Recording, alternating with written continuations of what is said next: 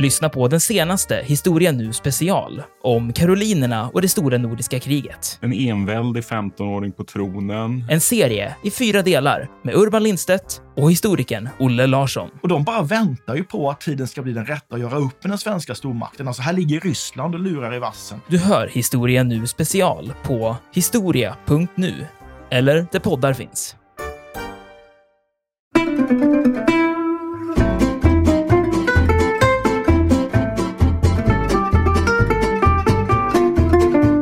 Det verkar som, det är inte säkert, men det verkar som att han redan efter eh, ett par år har umgås med planer att abdikera. Och det verkar ju också som att Johan den tredje var på något vis införstådd med de här planerna. Och eh, far och son, alltså Johan och Sigismund, träffas ju i Reval, alltså nuvarande Tallinn, på sensommaren 1589 för att diskutera dessa spörsmål.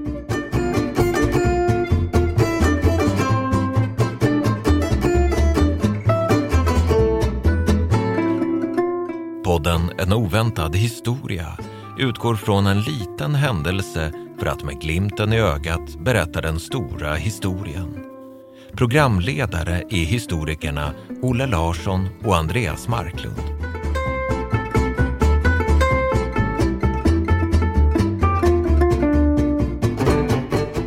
Hallå Andreas! Tjenare! Hur är läget? Det är faktiskt väldigt bra.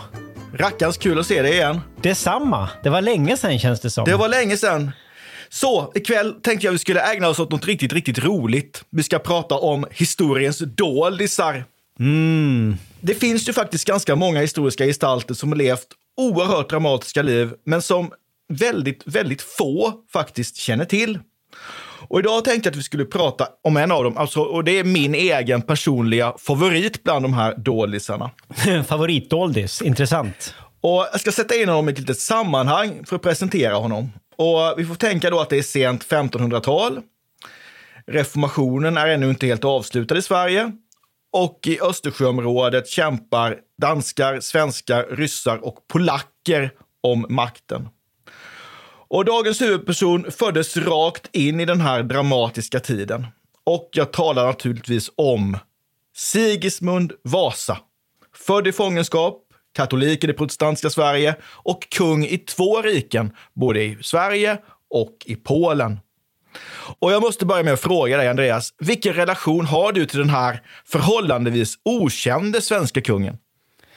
Ja, men alltså, jag, jag törs nog erkänna att han, han är nog den kung i Sveriges historia efter medeltiden som jag har sämst koll på. Alltså helt klart, och då räknar jag med andra, vad ska jag säga, svaga kort, doldisar som eh, Karl XIII och Adolf Fredrik och Fredrik den förste. Du använder ordet doldis och det är ju eh, alldeles utmärkt, men han är ju också lite grann något av ett mysterium, tycker jag. Alltså han är ju som en aktör som en gång i tiden faktiskt hade en viss betydelse, men som det på något sätt är väldigt svårt att få grepp om. Alltså, lite, lite, lite grann som Karl XII, men av en helt annan anledning. Det finns väldigt lite skrivet om Sigismund. Alltså det är det som är problemet. I alla fall av svenska historiker.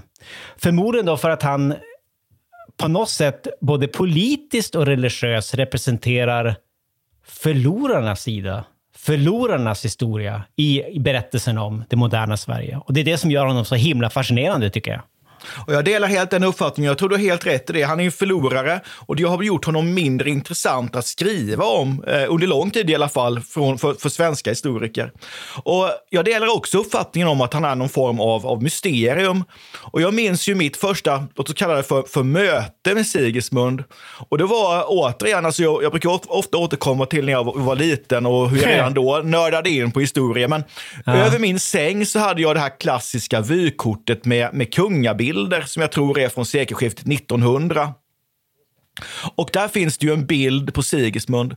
Och jag brukar titta på den här på kvällarna och försöka plugga in alla regentlängder. Alltså regeringsår, det tyckte jag var jätteroligt när jag ja, var 6-7 år gammal. Ja. Precis, det är väldigt, va väldigt vanligt bland sjuåriga pojkar. Men redan då så slogs jag av att liksom Sigismund, det var något speciellt över honom. Han såg väldigt, tyckte jag då som barn, att han såg väldigt ledsen ut. Ja. Och det är klart att ingen av de här kungarna på de här bilderna ser ju väldigt glada ut. Det är ingen som skrattar och visar tänderna, utan det är ju en ganska sinister samling härskare. Men jag tyckte nog ändå att Sigismund stack ut just därför att han såg så ledsen ut och det kanske berörde mitt pojkhjärta lite. Ja, men det stämmer nog. Ja. Men så träffade jag på honom många, många, många, många år senare när jag fick i uppdrag av tidskriften Populär historia att skriva en ganska stor fokusartikel om Sigismund.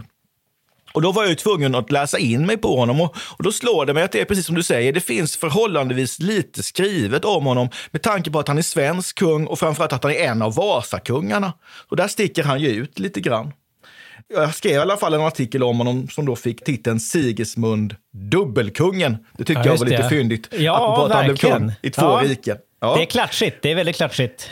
Men nu tänker jag mig att vi ska komma i stämning och Ja. eh, du ska få följa med mig tillbaka till 1598. Det är gryning. Det är den 25 september. Det är krig mellan Sigismund och hans farbror hertig Karl. Och vi befinner oss vid Stångebro som ligger strax utanför Linköping. Och den här morgonen så ligger dimman tät över fälten. Och det här ställer till det därför att Sigismunds trupper ser inte att hertig Karls styrkor är på väg. De upptäcker dem inte för de är alldeles inpå dem och då är det för sent. En våldsam batalj inleds. Sigismunds trupper kämpar väl, men förgäves. Och när slaget är över på eftermiddagen så står hertig Karl som segrare. Förhandlingar inleds. Sigismund har förlorat det svenska inbördeskriget och därmed så är hans dagar som svensk kung räknade. Men det visste varken han eller någon annan just då. Och jag tycker alltid att det är frestande att tänka kontrafaktiskt här. Vad hade hänt om det hade varit Sigismund och inte hertig Karl som gått segrande ur striden den här septemberdagen 1598? Men jag tänkte att det kan vi återkomma till lite grann avslutningsvis.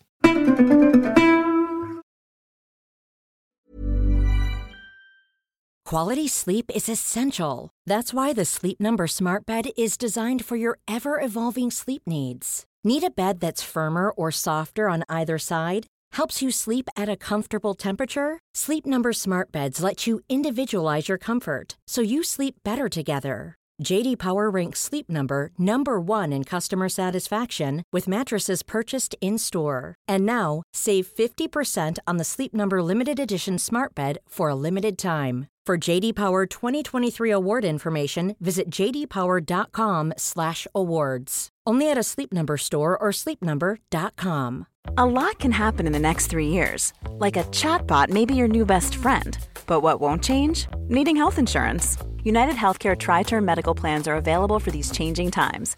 Underwritten by Golden Rule Insurance Company, they offer budget friendly, flexible coverage for people who are in between jobs or missed open enrollment. The plans last nearly three years in some states, with access to a nationwide network of doctors and hospitals. So, for whatever tomorrow brings, United Healthcare Tri Term Medical Plans may be for you. Learn more at uh1.com. Hiring for your small business? If you're not looking for professionals on LinkedIn, you're looking in the wrong place. That's like looking for your car keys in a fish tank. LinkedIn helps you hire professionals you can't find anywhere else, even those who aren't actively searching for a new job but might be open to the perfect role. In a given month, over 70% of LinkedIn users don't even visit other leading job sites. So start looking in the right place. With LinkedIn, you can hire professionals like a professional. Post your free job on linkedin.com/people slash people today.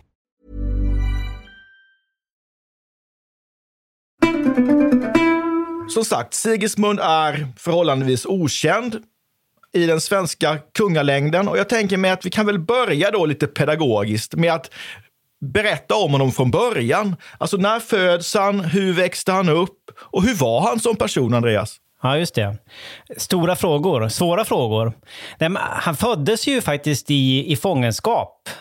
Det är kanske är värt att ta med i beräkningen nu när vi pratar om att han, där du nämnde att han såg så ledsen ut, han såg så olycklig ut. Alltså han levde ju kanske inte något, vad ska man säga, något lätt och lyckligt liv. Det började ju ganska dystert. Alltså, föräldrarna var inspärrade på Gripsholms slott. Pappan var ju då den här Vasasonen prins Johan, alltså den blivande Johan den tredje, som hade burats in av storebrorsan, den evige.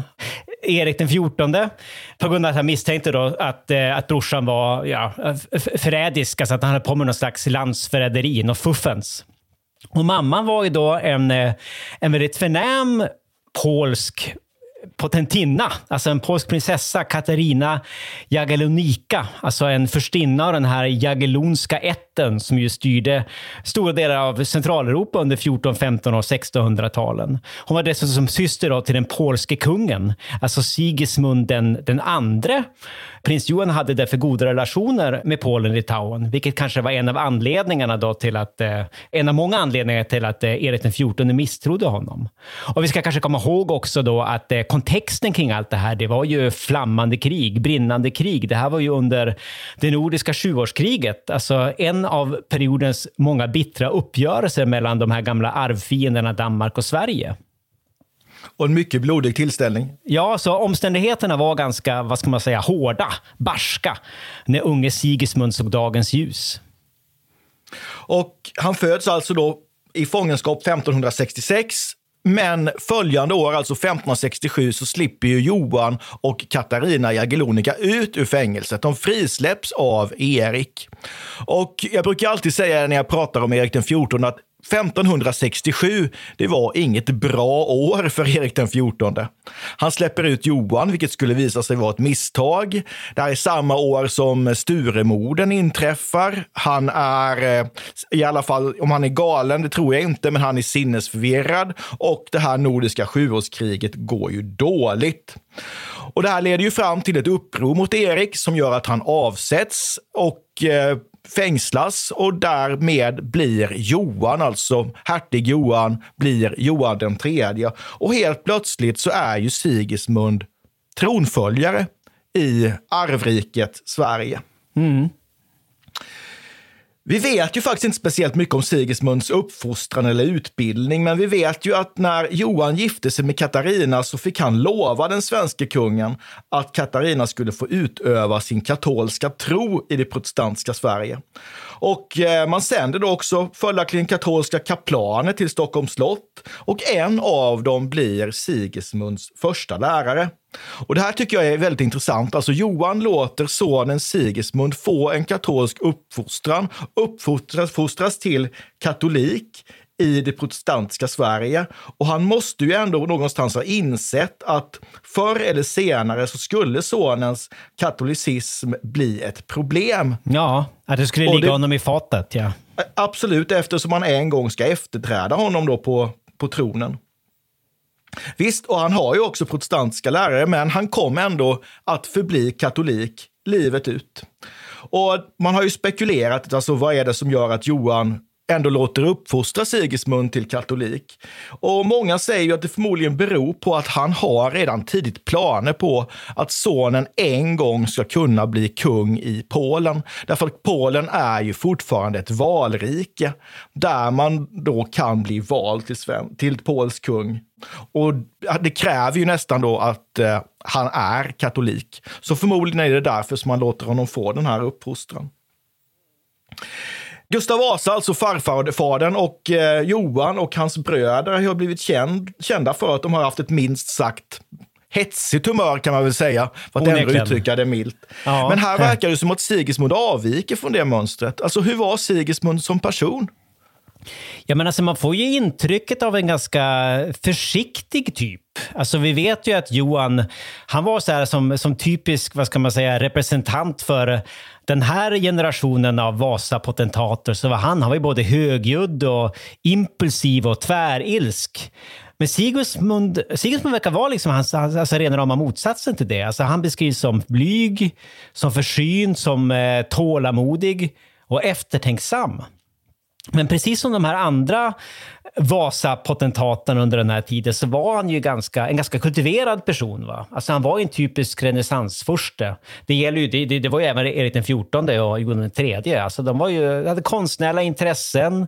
Som jag förstår saken så var Sigismund duktig på att måla. Han höll på med guld och silversmide och han spelade instrument. Jag tror det var cembalo. Ja, precis.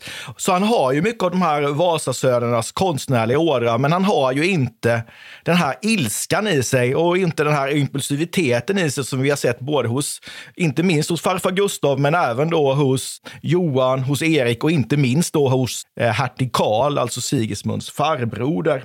Ja, han kanske fick utlopp för det när han biktade sig. Eller något sånt. Ja, det kanske, kanske är fördelen då med biktstolen att det kom ut en del där som, är, som, som undersåtarna slapp att smaka på. Precis, det kunde han liksom lätta på trycket lite Ja. grann.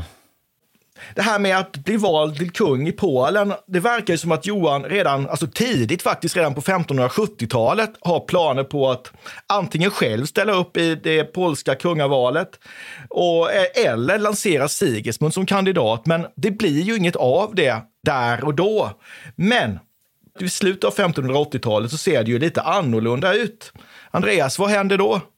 Ja, men då öppnade sig ett sånt här window of opportunity. Alltså det är en, en polsk, transylvansk potentat, kung vid namn Stefan Batory. Han dog i december 1586 och i det läget så vände sig då enkedrottningen Anna Jagiellonika till Johan. Alltså Johan hade ju som sagt, han var ju liksom ingift i den här familjen. Och han bad honom att, att låta Sigismund kandidera då i det här kommande kungavalet. Och Johan var ju naturligtvis inte alls ointresserad av det här. Alltså han hade hållit på och jobbat på det här ganska länge. Med sonen på den polska tronen så skulle Sverige och Polen inte minst kunna sätta upp en, en enad front mot, mot Ryssland. Så Sigismund han lanserades som en potentiell tronföljare och man började också då förhandla med det svenska riksrådet för det fanns ett problem. Alltså kruxet var att man skulle hitta ett svar på frågan hur Sigismund då, hur 17 han skulle kunna styra Sverige från Polen den dag då han också blev svensk kung. Och det var det som då, alltså förhandlingarna kring det dilemmat då, som, som resulterade i det här Kalmares stadgar som det heter, ett fantastiskt uttryck. Så bland annat då innebar att Sigismund inte skulle få avsöndra någon del av riket och att ja, inga polacker skulle få blanda sig i, i själva styret av Sverige. Och framförallt då, kanske viktigast av allt under den här perioden, så skulle man inte få förändra religionen i, i Sverige, utan Sverige skulle förbli ett protestantiskt rike. Och så fanns det ju ett litet problem till här och det problemet heter Estland. Därför att Estland vid den här tiden tillhörde Sverige och hade gjort så sedan 1561. Men det här är ett innehav som polackerna inte godkänner, utan polackerna har ambitioner att skaffa sig själva kontroll över Estland. Och den här frågan kommer upp och de här svenska förhandlarna vet ju inte riktigt hur de ska hantera det här, så att de försöker liksom skjuta på det här, men lovar ju halvt om halvt att eh, jo, men bara Sigismund blir vald till kung i Polen så ska vi nog kunna lösa detta. Och de här kungavalen äg- äger rum på Vålafältet utanför Warszawa. Och eh, alla polska adelsmän hade rätt och skyldighet att delta i de här valen och de kunde ju också kandidera. Och det fanns ju också kandidater som stod emot Sigismund, bland annat den habsburgska ärkeätten Maximilian och den ryske tsaren Fjodor. Men det som talar för Sigismund är ju då att han är släkt med det jagellonska kungahuset. Och eh, det tillsammans med att man då har gett vissa löften om Estland gör då att eh, Sigismund i augusti 1587 väljs till polsk kung. Och då skulle man ju kunna tänka sig att det här var pappa Johans drömmar som gick i uppfyllelse. Den katolska uppfostran betalade sig. Men han är ju inte odelat lycklig när det kommer fram att Sigismund blivit vald till kung i Polen. Så hur agerar Johan på det här beskedet? Ja, men han blev väl sådär, äh, sådär Vasa-arg, sådär Kalle Anka-arg över det där med Estland. Alltså han var naturligtvis väldigt nöjd med att han hade fått liksom, äh, lyckats knuffa upp sonen på, på tronen. Men det här med de här, du nämnde de här löftena, de här ganska vagt formulerade löftena, utfästelserna gällande Estland, det, det föll inte i god jord hos eh, Johan den tredje. Så först ville han väl inte ens släppa iväg sonen. Va? Han blev så himla arg och drog i handbromsen. Men han lät sig övertalas, lät till sist sonen åka iväg och ja, inta sitt kungliga ämbete. Men han ville inte gå med på några territoriella krav då gällande, gällande Estland. Alltså inga eftergifter fick göras. Inte någonting vad det gäller Estland. Johan är eh, solklar med vad, vad som gäller i, i frågan om Estland. Så Sigismund kommer till Polen och han har ju inga roliga första år här. Alltså han kommer till Polen, inbördeskrig rasar och det beror ju delvis på att han har blivit vald till kung. Eh, därför att det finns olika fraktioner som man gärna hade sett en annan tronföljare istället för Sigismund. Och det här gör ju att hans kröning drar ut på tiden. Och kröningen är ju viktig därför att det är ju kröningen som ger honom, eller skulle ge honom, gudomlig sanktion. Men det här drar ut på tiden. Och visst, Sigismund talar polska, men han kan nästan ingenting alls om vad Polen är för någonting. Ja, vad är det det. för rike han har blivit satt att styra? Han är helt i händerna på sina polska rådgivare. Så förmodligen är det tur för honom att han har med sig en släkting, nämligen sin syster Anna till Polen. Och av allt att döma så spelade hon en mycket, mycket, mycket viktig roll för att han skulle känna sig i alla fall någorlunda bekväm i sitt eh, nya rike. Får jag, får jag fråga en sak bara? Ja, Vad- absolut. Vad, vad kan ha varit Sigismunds första språk? Var det tyska, svenska, polska? Du nämnde att han pratade polska. Ja, jag skulle nästan på, ja, jag, jag har inte ens tänkt på det, men med tanke på att han då får polska jesuiter som lärare när han är ganska liten, så skulle jag tro att han faktiskt är bättre på, att han- polska skulle nog vara hans första språk. Ja. Så polska, tyska, latin, svenska. Svenska, det, kanske, var- absolut, då, det, ja. det var nog de fyra språken Ja, som han nå- sp- språkade på. Ja, polskan därför att det är ett av hans modersmål, svenskan ett annat, latinet för det behöver man för att förhandla och tyskan är internationellt gångbart i Östersjöområdet. Så att, ungefär så. Det finns flera skäl till att Sigismund hade det lite svårt i Polen. Och det verkar som, det är inte säkert, men det verkar som att han redan efter eh, ett par år har umgås med planer att abdikera. Och det verkar ju också som att Johan den tredje var på något vis införstådd med de här planerna. Och eh, far och son, alltså Johan och Sigismund, träffas ju i Reval, alltså nuvarande Tallinn, på sensommaren 1589 för att diskutera dessa spörsmål. Vad är det man, vad kommer man fram till? Vad, hur, hur slutar det här samtalet mellan far och son? Ja, men alltså, jag har lite svårt att bli klok på det där. Alltså, vad vill Johan den tredje egentligen? Alltså, han åker ju dit till Tallinn Rival, alltså, i, i akt och mening att hämta hem stackars sonen, verkar det som. Men eh, sen blandar sig riksrådet i det här och protesterar och säger att Sigismund ska åka tillbaka till Polen och, och fortsätta vara kung av Polen. Och det blir Johan jättearg.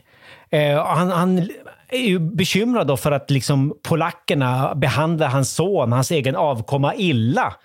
Men han ändrar sig igen och det slutar med att Sigismund faktiskt åker tillbaka till Polen. Jag tror att den officiella förklaringen är att han måste åka hem för att bekämpa då tartarerna som väller in i landet söderifrån. Och det här är väl sista gången som Johan och Sigismund träffar varandra, va? Ja, det är sista gången de ses. Så det verkar ju som att det blir ju bättre för honom nu när han har kommit tillbaka till Polen. Och det har förmodligen att göra med att han faktiskt gifter sig nu med Anna som är eh, dotter till eh, den habsburgske ärtehertigen Karl av Steiermark. Och det här tycker påven är jättebra, alltså påven som heter Clemens den åttonde. Så han ger den polske kungen stöd. Och det här blir ju också viktigt därför att eh, det här gör ju att Sigismund eh, stöd i katolska kretsar i Polen ökar högst markant. Och det är mycket, mycket viktigt.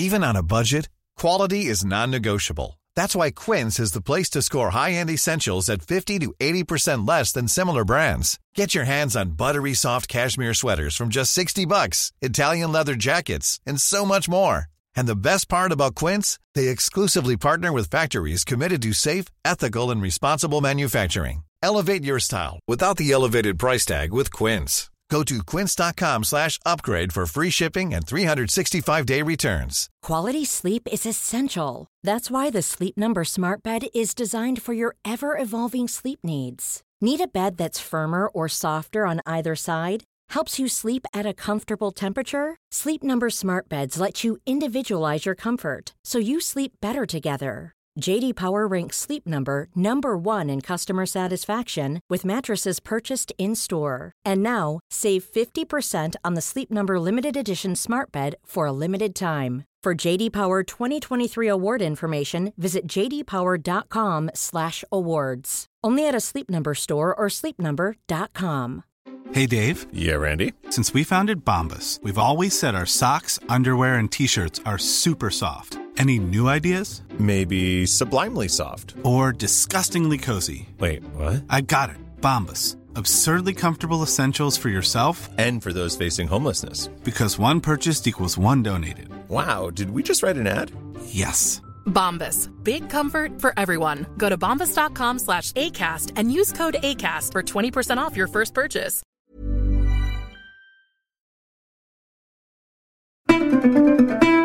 Så går det några år och i november 1592 så dör Johan den tredje på Stockholms slott. Och eh, nu är situationen den att Sigismund faktiskt har blivit kung i två riken. Han har blivit vald till kung i Polen och nu ärver han tronen i Sverige. Och han återvänder till sitt, eh, till sitt första hemland för att låta sig krönas till svensk kung. Men också i det här läget så vädrar ju de svenska rådherrarna och inte minst farbror Karl morgonluft. Här finns det ju all möjlighet att skjuta fram sina positioner, skaffa sig olika förmåner och privilegier. Och det är alldeles uppenbart att Karl hoppas att få bli den som styr Sverige när kungen befinner sig i Polen, för det kommer han ju göra stora delar av sin tid. Och nu blir det ju också, står det ju klart med all önskvärd tydlighet att eh, Sigismunds katolicism blir ett problem. Vad händer nu, mm. Andreas? Ja, eh, vi kanske ska först, först ska konstatera då att den här farbror Karl, hertig Karl, det är då det yngsta barnet till Gustav Vasa. Den blivande Karl IX är det ju. Han var väl född kring 1550, va? så han var väl 15-16 år äldre då än Sigismund. Och en ganska, vad ska man säga, intrigant typ, kan man kanske säga. Kanske eh, den av sönerna som är mest lik sin far egentligen. På många sätt och vis. Ja, I, ja. Ilsk var han i alla ilsk fall. Var han. Han, han dog och, häns, typ, och hänsynslös var han. Ilsk och hänsynslös. Han dog väl liksom i vredesmod, tror jag. Det, ja. har vi, det har vi nämnt i tidigare avsnitt. Eh, I alla fall. Det finns ingenting som tyder på, rent empiriskt vad jag vet, att Sigismund verkligen hade för avsikt att ändra religionen i Sverige, alltså att verkligen då återinföra katolicismen i landet. Men då den här äh, intriganta, sluge hertig Karl tillsammans då med hans rådsfraktion, alltså det var större delen av rådsherrarna, de började då pumpa ut Sigismund-fientlig propaganda som hade en, en klar och tydlig då antikatolsk touch. Alltså de ju mer än antydde, de sa klart och tydligt att om Sigismund fick som han ville så skulle det införas någon slags katolsk motreformation i Sverige. Och det slog ju an en ton hos många svenska präster där det fanns en fruktan för att, eh, ja, de här kungarna, alltså de var ju lite bekymrade redan under Johan III som ansågs ha lite så papistiska böjelser. De var ju bekymrade för att eh, den lutherska religionen i landet var, var, var hotad. Och Johan hade ju onekligen katolska böjelser. Han, han strävar efter någon form av reformkatolicism. Han inför en ny eh, liturgi som finns i den här så kallade röda boken, där det finns mycket katolska drag. Precis. Och, eh, precis. Eh, men, men förmodligen är det precis som du säger, att Sigismund hade förmodligen inte för avsikt, i alla fall inte där och då, att så att säga rekatolisera Sverige. Utan, men det här är någonting som hans motståndare kan, kan vända sig, använda sig av, därför att religion var ingenting man tog lättvindigt på i slutet på 1500-talet. Nej, religion var politik. Absolut, och eh, hö, högsta grad viktigt för enheten i riket. Och eh, hertig Karl utnyttjar detta. Han kallar, sammankallar ju till det här kända kyrkomötet i Uppsala, som blir Uppsala möte i mars 1593. Och Det här mötet är ju viktigt i svensk reformationshistoria därför att det här betraktas ju ibland som reformationens slutpunkt. Att det är nu man fattar beslut om att från och med nu så ska Sverige vara ett lutherskt evangeliskt eh, rike. Och man säger till Sigismund att vill du bli krönt till svensk kung så får du acceptera detta. Du måste acceptera det här. Och det här är ju ett tydligt brott mot eh, arvföreningen som antogs i Västerås 1544, där så att säga kungamakten skulle ärvas utan, utan några som helst inskränkningar. Sigismund ställs inför detta. Du måste gå med på det här. Och han kommer då till Stockholm i september. Han vägrar till att börja med i alla fall, upp, och godkänner Uppsala mötes beslut. Men i kungaför, sin kungaförsäkran så förbinder han sig sen då att säga att ja, men jag accepterar det här. Och så blir han då krönt till svensk kung. Just det. Mm. Och han återvänder sen till Polen. Han tar med sig svenska rådgivare, ett svenskt kansli, svenska rådsherrar. Och tanken är ju då att när Sigismund befinner sig i Polen så ska Sverige styras av hertigen, Karl alltså, och rådet. Men man gör ju också en hel del inskränkningar i deras makt. För Sigismund var ju inte dum. Han förstod ju mycket väl vad som skulle kunna hända när katten är borta och så vidare. Så de här får inte sammankalla några som helst riksdagar eller utföra några som helst stadgor eller förordningar. Det är bara kungen som kan göra det här. Så Sigismund vill också försäkra sig om att det här följs, så han utser några pålitliga ståthållare och placerar dem på de absolut viktigaste slotten i, i Sverige. Stockholm, Kalmar, Åbo och så vidare. Och sen med det här så eh, reser han hem igen och reser då med intrycket av att ja, men nu är nog hertigen och rådsherrarna nöjda. Mm. Men vad händer? Vad händer sen? Jo, alltså så fort han har lämnat Sverige så ingår ju hertigen och rådet börjar ju samarbeta väldigt intimt och man ger Karl titeln som riksföreståndare. Och han i sin tur kontaktar Sigismund och säger att eh, jag vill styra med kungliga maktbefogenheter när du inte är i Sverige. Och föga förvånande säger Sigismund nej, det får du inte. Men där ingenting hindrar hertig Karl. Han är som sagt på sin fars son. Ett nej behöver inte alltid betyda ett nej och säger de nej så kan man alltid tvinga dem att ändra sig. Så Sigismund protesterar, men Karl fortsätter att flytta fram sina positioner steg för steg för steg. Han sammankallar riksdagar, han samlar en egen militär styrka som han använder för att tvinga bort Sigismunds ståthållare som han då inte gillar. Och det här leder naturligtvis till att situationen blir ohållbar. Och i slutet av 1590-talet så har vi ett inbördeskrig i Sverige. Andreas, vad händer nu under det här inbördeskriget? Hur hanterar Sigismund det här? Han sitter ju i Polen. Mm, ja. ja, släkten är verkligen alltid värst. Alltså han ägnar ju då våren 1598 till att göra upp planer. Alltså han insåg ju naturligtvis att han var, han var tvungen att återvända till Sverige. Det var ju enda möjligheten. Men så avråddes han då av sina rådgivare från att föra med sig någon, någon speciellt stor armé. Alltså om han återvände i spetsen för en, en massa, massa soldater, en massa utländska trupper, så ansåg man då att, att det skulle uppfattas då som, som provocerande där hemma i Sverige. Så han gav sig iväg för att liksom återta makten, men gjorde det då i spetsen för en ganska liten, en ganska beskedlig armé på ungefär 4 000 man. Så han landsteg i Kalmar i slutet av juli 1598 i akt och mening som sagt att då återta den politiska makten och eh, ja, slå tillbaka, näpsa den här eh, småtrilskande farbrodern. Och det såg väl egentligen ganska ljust ut i början. Alltså, Sigismund hade väl ett ganska stort stöd i landet. Och trupperna började marschera norrut från Kalmar. Kavalleriet transporterades på fartyg medan infanteriet, som infanteriet bör, gick till fots. Och sen vid Stegeborg utanför Söderköping, alltså i Östergötland, så eh, återförenades då trupperna. Och här mötte man ju då hertig Karls armé och inledde förhandlingar med dessa. Men det bröt ut stridigheter ganska snabbt och det utkämpades ett slag i närheten av det här slottet Mem i Östergötland. Och här vinner ju faktiskt kungen. Det är ju hertig Karls styrkor som leder ganska svåra förluster. Och de hade antagligen de hade förmodligen då besegrats, som jag har förstått saken, om inte kungen hade brutit in under stridshandlingarna och faktiskt beordrat eldupphör. Alltså han ville inte utsätta sina undersåtar. Det kan ju hända att han hade lyssnat på de här, eh, underså eller de här rådgivarna. Alltså att han ska inte liksom komma som en blodtörstig krigsherre, utan han skulle liksom vara en, eh, en god kung för landet, en god svensk kung. Han ville eh, undvika onödig blodspillan, till skillnad då från sin antagonist. Så han avbröt slaget i förtid. Det här tycker jag är intressant, för just det här hur kriget förs säger ganska mycket om Sigismunds personlighet. Han har med sig en alldeles för liten truppstyrka, för han är rädd för att han ska uppfattas som någon som invaderar landet med, med utländska soldater. Han... Eh, han, han, avstår från att fullständigt krossa hertigens trupper vid Mem när han kunde ha gjort det därför att han vill inte ha onödig blodspillan. Det där är ju ingenting som hans far eller farfar eller farbror hade gjort. Tvärtom. Men Sigismund agerar på ett annat sätt. Och det är ju svårt att låta bli att tänka, alltså, alltså vad hade hänt om Sigismund inte hade beordrat ett eldupphör vid Mem, att man hade krossat Karls styrkor, då kanske, kanske, kanske inbördeskriget 1598 hade slutat annorlunda. Men det får vi inte veta, utan istället så fortsätter inbördeskriget och de båda arméernas, eh, arméerna marscherar då i riktning mot Linköping.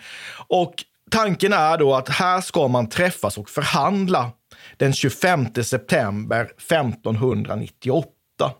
Och därmed så är vi ju framme där det här avsnittet inleddes, den här dimmiga morgonen 1598 när hertigens styrkor tar sig nära in på Sigismunds armé i skydd av den här dimman och besegrar Sigismund i det här fältslaget på slätten utanför Linköping vid Stångån. Och efter det här slaget så eh, inleder ju hertig Karl och Sigismund förhandlingar. Just det. Men mm. vad blir det av de här förhandlingarna, Andreas? Alltså, jag tycker det här är ganska förvirrande. Alltså. Men alltså, som jag har förstått saken så fick ju då Sigismund, som här ju då var förloraren, han fick ju gå med på att skicka hem sina trupper, alltså hemförlova dem. Och att sen då inom loppet av fyra månader sammankalla då en riksdag till Stockholm, där man skulle liksom, ja, fortsätta på något sätt. Men Sigismund själv, han åkte aldrig till Stockholm. Han åkte tillbaka till Polen. Jag vet inte vad planen var med det. Alltså han, han kanske åkte hem för att liksom, alltså då, i akt och mening att fortsätta kampen, motståndskampen, alltså med, med Polen då som, som bas, som operationsbas. Men eh, den lede hette Karl, vad man då ska säga, farbrodern, han var ju då inte sen att lägga ut texten om det här då i den här propagandan som han spottade ut, som ett slags eh, svek då, som att Sigismund hade svikit då sitt, sitt folk och sitt rike, att det var ett, ett avtalsbrott. Så det sammankallades en riksdag, vad var det, först i Jönköping, där man då författade något slags eh, brev, ett eh, statsdokument, där Sigismund hotades då med avsättning. Och han svarade aldrig på det här brevet. Och sommaren 1599 så avsattes då kung Sigismund av en riksdag i Stockholm. I och med det så var då Sigismunds tid på tronen ute efter, vad var det, då, lite mer än sex år på tronen. Sen erbjuder ju hertig Karl Sigismunds son eh, Vladislav att bli kung i Sverige. Just det. Men, men på villkor som var fullständigt oacceptabla, som han visste att Sigismund aldrig skulle acceptera. För då skulle Vladislav skickas ensam till Sverige och få en protestantisk uppfostran och förmodligen då naturligtvis tvingas konvertera. Så det Nej, var ju det. inte aktuellt. Nej. Så Sigismund blir avsatt, men han accepterar ju aldrig den här avsatt, att han har blivit avsatt i sitt arvrike, utan i resten av sitt liv, och han dör ju faktiskt inte förrän i april 1632, så kämpar han ju för eh, att få återfå sin krona. Så vi har ju en konstant, både, egentligen så har vi en territoriell men även en dynastisk konflikt med Polen under stora delar av de första decennierna av, av 1600-talet. Och som sagt var, Sigismund dör 1632 utan att all, och har då, fick aldrig tillbaka sin, sin, sin, eh, sin svenska tron. Men Andreas, jag tänkte vi kunde avsluta det här lite grann. Jag antydde i början att det är rätt intressant att resonera kontrafaktiskt till, kring det här.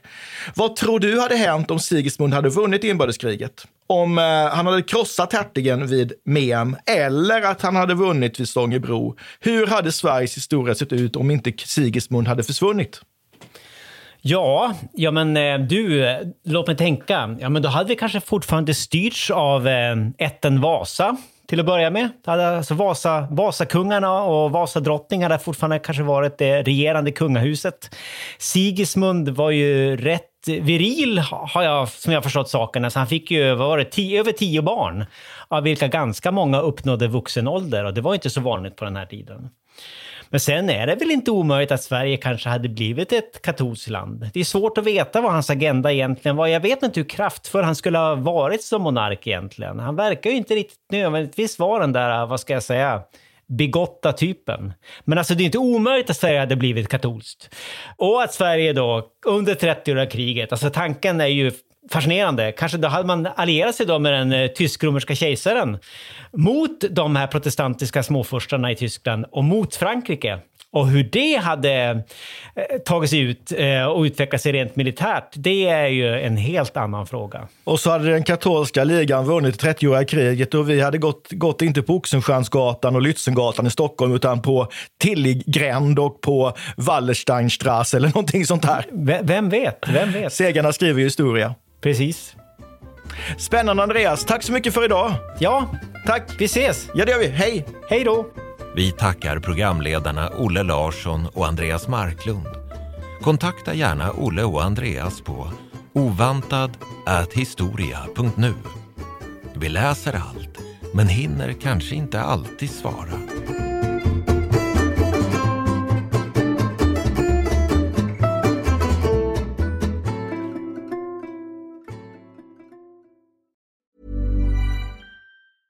Hey, it's Danny Pellegrino from Everything Iconic.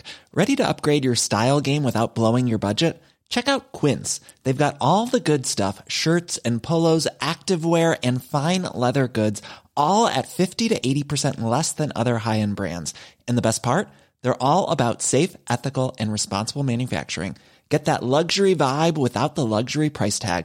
Hit up quince.com slash upgrade for free shipping and 365 day returns on your next order. That's quince.com slash upgrade. Hey, it's Paige DeSorbo from Giggly Squad. High quality fashion without the price tag. Say hello to Quince. I'm snagging high-end essentials like cozy cashmere sweaters, sleek leather jackets, fine jewelry, and so much more. With Quince being 50 to 80% less than similar brands. And they partner with factories that prioritize safe, ethical, and responsible manufacturing. I love that. Luxury quality within reach. Go to quince.com slash style to get free shipping and 365 day returns on your next order. Quince.com slash style. Mom deserves the best, and there's no better place to shop for Mother's Day than Whole Foods Market. They're your destination for unbeatable savings, from premium gifts to show-stopping flowers and irresistible desserts. Start by saving 33% with Prime on all body care and candles. Then get a 15-stem bunch of tulips for just $9.99 each with Prime. Round out Mom's menu with festive rosé, irresistible berry chantilly cake, and more special treats. Come celebrate Mother's Day at Whole Foods Market. Iran har under 1900-talet genomgått tre omvälvande revolutioner som orienterat landet antingen mot västerlandets modell eller mot en auktoritär styrelseform. Idag pågår en social revolution i landet som vänder sig mot det islamistiska styret och vars anhängare har Europa och väst som förebilder. I en viktig bok ger idéhistorikern Mohammad Faslashemi en djupare förståelse för dagens dramatiska händelseutveckling. Iran mellan tre revolutioner är utgiven av förlaget Historiska Media. Beställ den fysiska boken på förlagets hemsida historiskamedia.se eller köp den i en bokhandel nära dig.